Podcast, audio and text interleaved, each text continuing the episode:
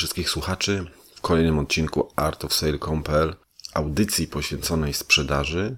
W dzisiejszym odcinku chciałbym poruszyć bardzo ważną kwestię dla każdego handlowca w jego pracy, a mianowicie kwestię regulowania płatności ze strony klientów, ponieważ bardzo wielu handlowców uważa, że znaczy no ma z tym problem, tak, że ma problem z analizą, jaki, jaka forma płatności byłaby najlepsza wiem, w jego przypadku, czy dla, dla jego działalności. I często jest tak, że ludzie myślą, że jest tylko na przykład jedna lub dwie formy płatności. Na, na przykład albo przedpłata, albo termin. Natomiast form płatności jest bardzo, bardzo dużo. Ja omówię te, z których sam korzystam, czy korzystałem w przeszłości. I naprawdę jest z czego wybierać. Dzięki temu będziemy mogli połączyć ogień z wodą, czyli dostarczyć towar klientowi, co do którego nie do końca być może jesteśmy pewni, czy jest solidnym płatnikiem i jednocześnie otrzymać naszą zapłatę. Zacznijmy zatem. Pierwszą formą płatności, taką najbardziej pożądaną dla nas jako sprzedających, jest oczywiście przedpłata. I nie należy, nie należy się tego wstydzić, że jeżeli na przykład nie wiem, spotykamy się z klientem, czy, czy robimy jakiś interes z klientem, którego z którego nie mamy jeszcze zbudowanej żadnej historii współpracy, to czasami ludzie się na przykład, nie wiem, obawiają zaproponować mu przedpłatę na zasadzie o Jezu, co on teraz sobie o mnie pomyśli, że ja uważam, że on jest nieuczciwy. Natomiast należy sobie z takim myśleniem dać spokój i po prostu powiedzieć takiemu klientowi, drogi kliencie, teraz proponuję Ci przedpłatę, a jak zbudujemy sobie historię współpracy, i zrealizujemy, nie wiem, 4, 5, 10 transakcji, no to wtedy będziemy mogli rozmawiać również o innych formach płatności, ponieważ no, klienci też zdają sobie sprawę, że jeżeli chodzi o przedpłatę, to oni wtedy są w tym gorszym położeniu, ponieważ no, oni już zapłacili pieniądze, a nie dostali towaru. To jest takie, takie odwrócenie sytuacji z terminem płatności, gdzie to my wysłaliśmy towar, towar jest już u klienta, a my nie mamy płatności. Czyli, czyli to są takie dwie skrajne, dwie skrajne metody płatności. Skrajne pod tym względem, że stawiają jedną ze stron w skrajnie niekorzystnym położeniu. Czyli ta przedpłata wstawia w skrajnie niekorzystnym połączeniu klienta, no bo on już pieniądze przelał, a nie ma towaru, a termin płatności stawia w skrajnie niekorzystnym położeniu nas jako sprzedających, ponieważ my dostarczyliśmy już towar, a jeszcze nie mamy pieniędzy. I o ile przedpłata jest z naszego punktu widzenia najlepszą formą płatności, o tyle z punktu widzenia klienta jest najgorszą formą płatności i on raczej będzie starał się unikać tego rodzaju form płatności. Natomiast jeżeli mamy określone cele, że na przykład no nie współpracujemy z kimś, kto mm, nie współpracujemy na zasadach oczywiście kredytu kupieckiego, czy tym tak zwanych terminów płatności. Nie współpracujemy z kimś takim, jeżeli wcześniej nie zbudowaliśmy sobie z nim jakichś relacji biznesowych, no to po prostu informujemy o tym w sposób jasny. I każdy, kto rozsądnie podchodzi do biznesu, rozsądnie podchodzi do sprzedaży, zdaje sobie sprawę, że tak działa świat. Że tego rodzaju rzeczy to jest norma. I jeżeli nie wiem, będzie uważał, że będzie się czuł obrażony, że ktoś zaproponował mu formę płatności, jaką jest przedpłata, no to, to należy, należy sobie podziękować za współpracę, ponieważ istnieje duże prawdopodobieństwo, że ktoś taki będzie dążył do tego, żeby uzyskać nad nami jakąś nieuczciwą przewagę. Jeżeli chodzi jeszcze o przedpłatę, no to, y, no to, to jest bardzo proste. Po prostu klient y, wysyłamy, na przykład, nie wiem, jest towar, tak, który mamy dla niego, no to wystawiamy mu fakturę pro formę, gdzie jest napisane ile ma zapłacić, gdzie jest napisane nie, nasze dane do płatności, numer konta, wszystkie inne dane bankowe. No i klient robi po prostu płatność i tyle. Otrzymujemy pieniądze i na tej podstawie jesteśmy jakby pewni, że dostaliśmy już naszą, naszą zapłatę i możemy realizować zamówienie. Bądź to zacząć produkować, bądź to wysyłać. No i tak jak mówię, przedpłata dla nas jest, jako sprzedających, jest taką najbardziej bezpieczną formą płatności. Natomiast bardzo często zdarza się tak, to się tyczy w szczególności sprzedaży eksportowej, że klienci, szczególnie z, no, z różnych dziwnych, nazwijmy to, krajów, nie mają możliwości przylania nam pieniędzy, albo właśnie, właśnie obawiają się tego, że no, my o sobie możemy myśleć, że, że Polska to jest kraj, wiecie, centrum Europy, y, wysoka cywilizacja i tak dalej. Natomiast wielu klientów ze świata może postrzegać nas jako osoby nie do końca godne zaufania, bo nie wiem, nie znają nas.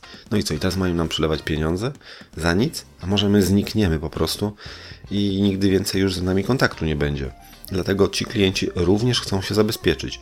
I jeżeli taki klient nie godzi się na płatność przedpłatą za pomocą przedpłaty, no to następną rzeczą, jaką należałoby mu zaproponować, jest akredytywa. Mądre słowo. Na szczęście y, ten skomplikowany termin odnosi się do zupełnie prostego rozwiązania sytuacji.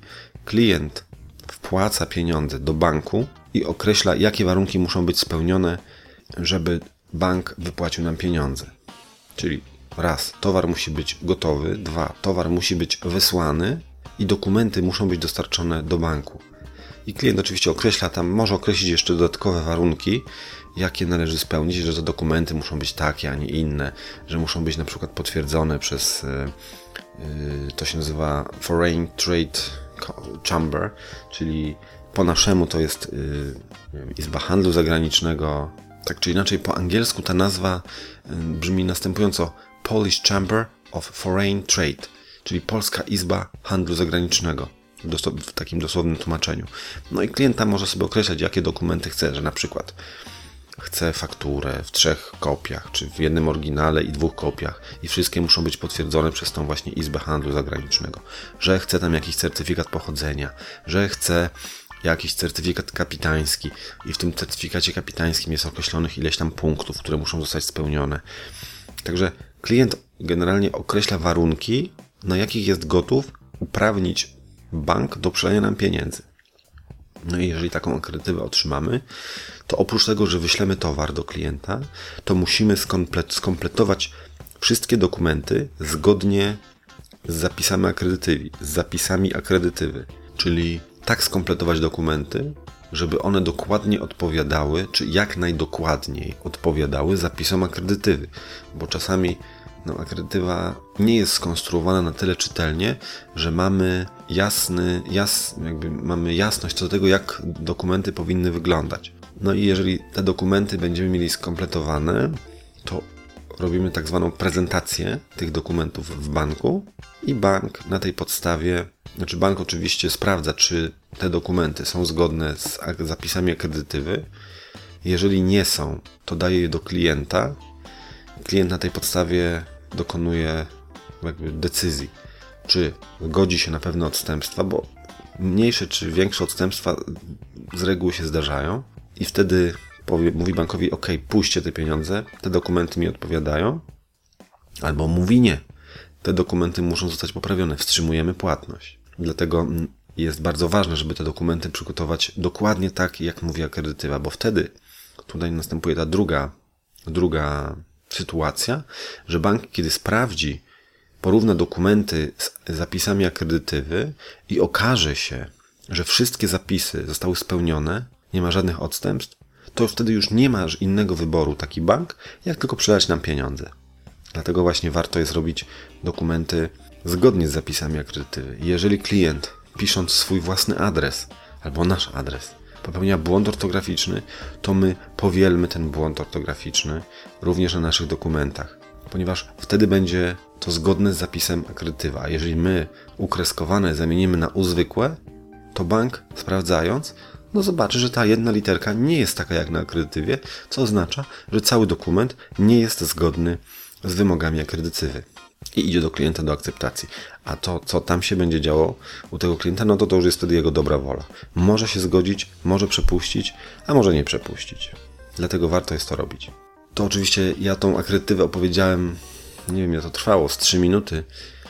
Natomiast y, trzeba sobie zdawać sprawę, że tych zapisów w akredytywie, y, na które trzeba zwracać uwagę, jest jeszcze kilka. Natomiast ponieważ w tej audycji nie mamy na to za bardzo czasu, no to ja tylko tak skrótowo opowiadam, z czym je się w cudzysłowie akredytywę. Tyle na ten temat.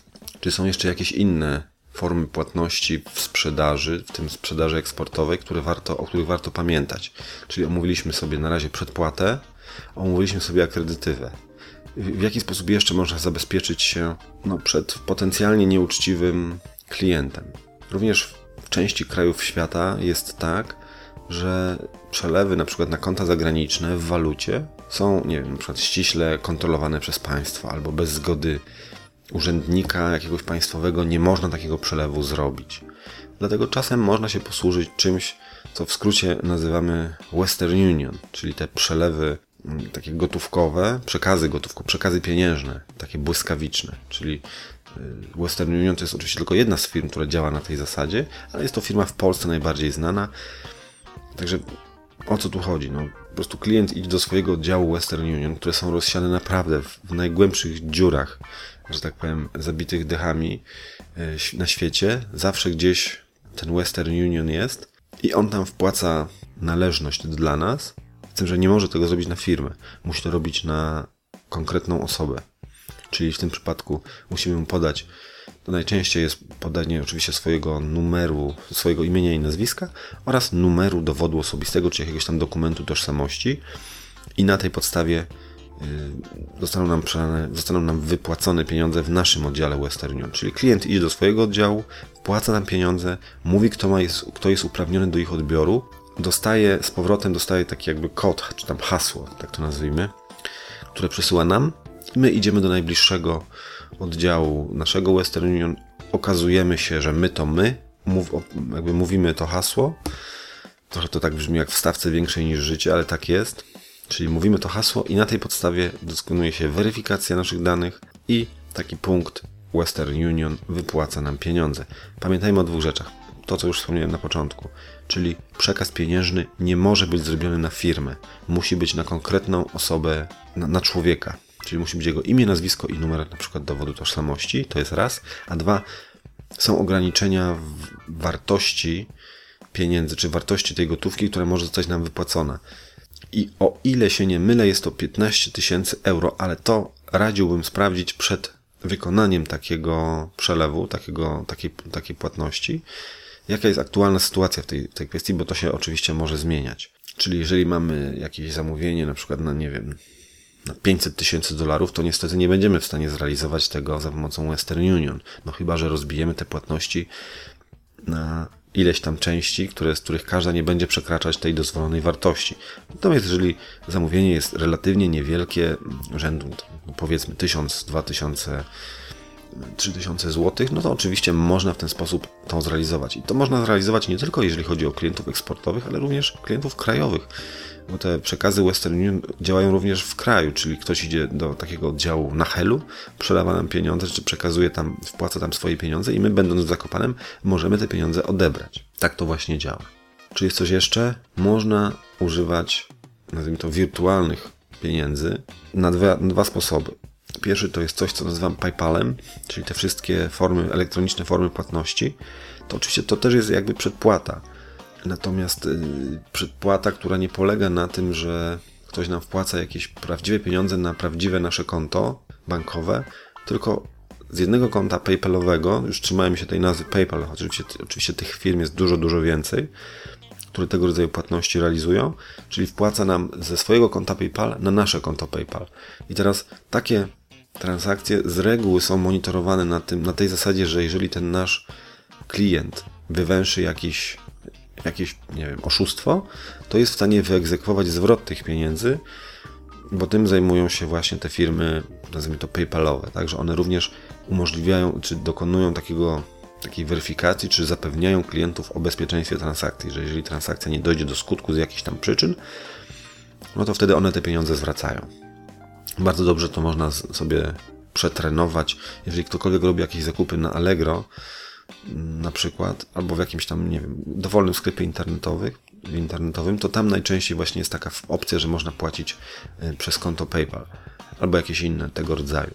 Także w ten sposób można płacić, tak jak mówię, nie tylko między firmami, które są, działają na różnych rynkach, na różnych, w różnych krajach, ale oczywiście jak najbardziej na rynku y, krajowym.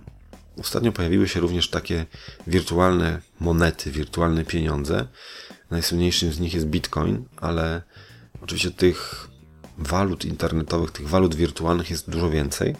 Jest ich co najmniej kilkanaście lub kilkadziesiąt. Bitcoin jest takim najbardziej znanym, który zyskał najbardziej taką największą medialną sławę. i za jego pomocą również można regulować płatności. Bardzo wiele, nie wiem, już nawet nie mówię o takich o, o dużych firmach, ale małych firm, kawiarni, jakichś kafejek, również już akceptuje płatności za pomocą bitcoinów. W jaki sposób to się robi? Ja nigdy nie robiłem jeszcze tych transakcji, na dzień dzisiejszy przynajmniej.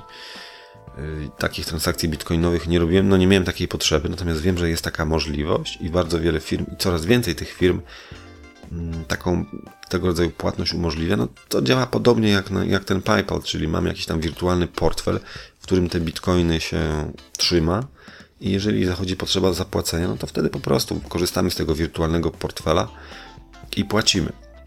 Przy czym, no tutaj też, no tutaj nie ma możliwości na przykład zrobić akredytywy za pomocą bitcoinów. Także wszystko to yy, opiera się bądź to na przedpłacie, czyli te wszystkie te wirtualne waluty, to z reguły jest to, jest to płatność przedpłatowa albo płatność taka terminowa, na termin. No i cóż, i doszliśmy do ostatniej metody, czyli do kredytu kupieckiego, czyli tak zwanego terminu. No, to jest też, to jest jakby, jesteśmy teraz po tej drugiej stronie szachownicy, czyli tak jak zaczynaliśmy od przedpłaty, gdzie było to najkorzystniejsze dla nas jako sprzedających, a najmniej korzystne dla klienta, tak tutaj jesteśmy w tej metodzie kredytu, kredytu kupieckiego, który jest najbardziej korzystny dla klienta, a najmniej korzystny dla nas. No i teraz musimy sobie postawić po prostu pytanie, kiedy chcemy mm, klientowi umożliwić płatność za pomocą odroczonego terminu płatności i czy w ogóle chcemy na coś takiego pozwolić, ponieważ no, z tym wiążą się określone niebezpieczeństwa. Raz, że klient dostawszy towar może, że tak powiem, zwinąć żagle i już nigdy go nie zobaczymy, ani towaru, ani klienta, ani pieniędzy. No a dwa, y, no może, że tak powiem, przeciągać tą, tą płatność w nieskończoność w najgorszym przypadku, a w najbardziej optymistycznej wersji, no tak czy inaczej, jeżeli damy na przykład termin typu 1 do 2 dni i klient oczywiście wywiązuje się z tego, z tego, z tej umowy, z tego zapisu, że będzie płacił po tych jeden, jednym czy dwóch dniach, no to oczywiście nie ma wielkiego problemu, ale jeżeli klient na przykład oczekuje od nas terminu płatności rzędu 3 miesiące, 9 miesięcy, rok, bo i takie sytuacje się zdarzają, no to działa to o tyle na naszą niekorzyść, że my musimy zamrozić gotówkę, czy zamrozić y, nasze środki pieniężne, które de facto no, bawimy się w taki, w taki bank trochę, że kredytujemy naszego klienta, on, on tymi pieniędzmi swobodnie obraca, a nie my.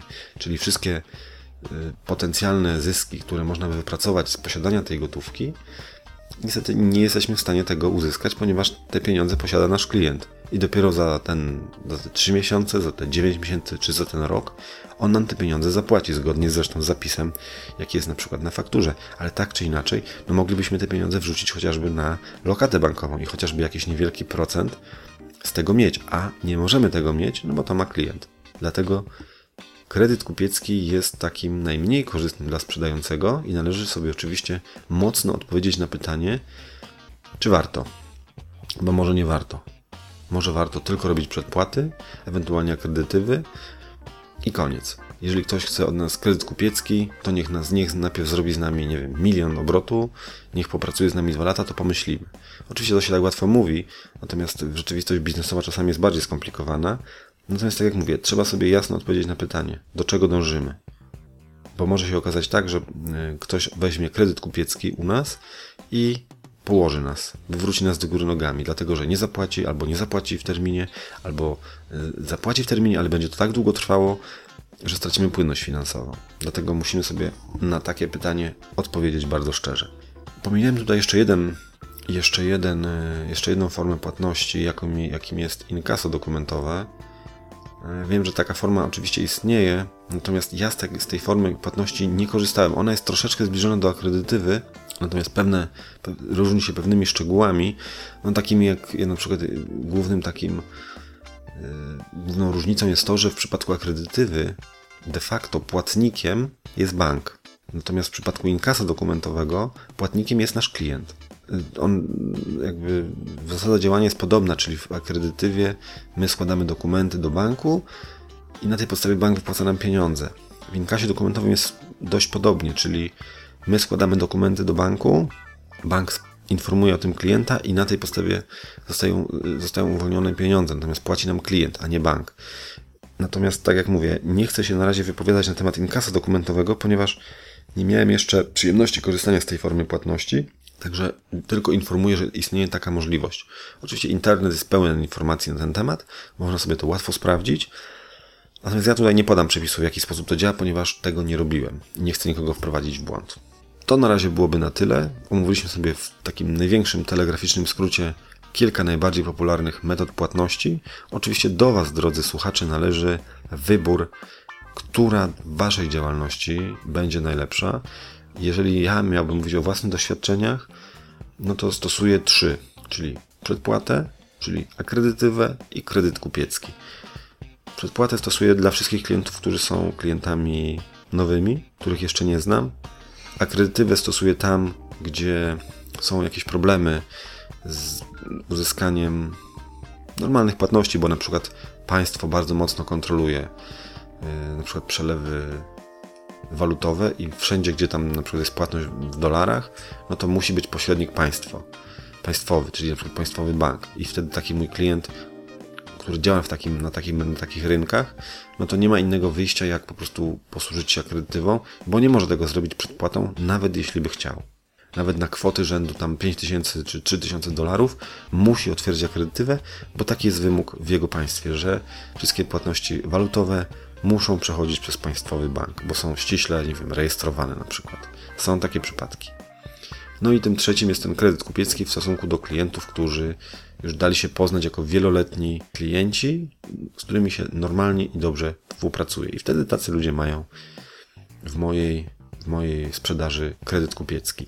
Chociaż oczywiście również zdarzyło mi się przejechać na takim, na takim myśleniu, że klient, który wydawał się bardzo rokujący, bardzo solidny, płacił przedpłatą i poprosił o kredyt, dostał ten kredyt, no i pierwsza transakcja już była fatal error, nie udała się. Klient przestał być klientem, powstało trochę zobowiązań, które, które w tej chwili staramy się ściągnąć. Także ja osobiście zwolennikiem kredytu kupieckiego nie jestem. Jestem oczywiście jak najbardziej zwolennikiem przedpłat, a jeżeli ktoś nie może przedpłatą, no to wtedy mówię mu akredytywa. Akredytywa jest takim najbardziej bezpiecznym sposobem płatności, gdzie jest w największym chyba znanym mi stopniu są zabezpieczone prawa zarówno sprzedającego, jak i kupującego. Ok, teraz to już naprawdę koniec. Dziękuję wszystkim za uwagę w tym odcinku. No i cóż, do zobaczenia i do usłyszenia w kolejnym. Żegna się Michał Lisiecki, artofsale.pl. Cześć.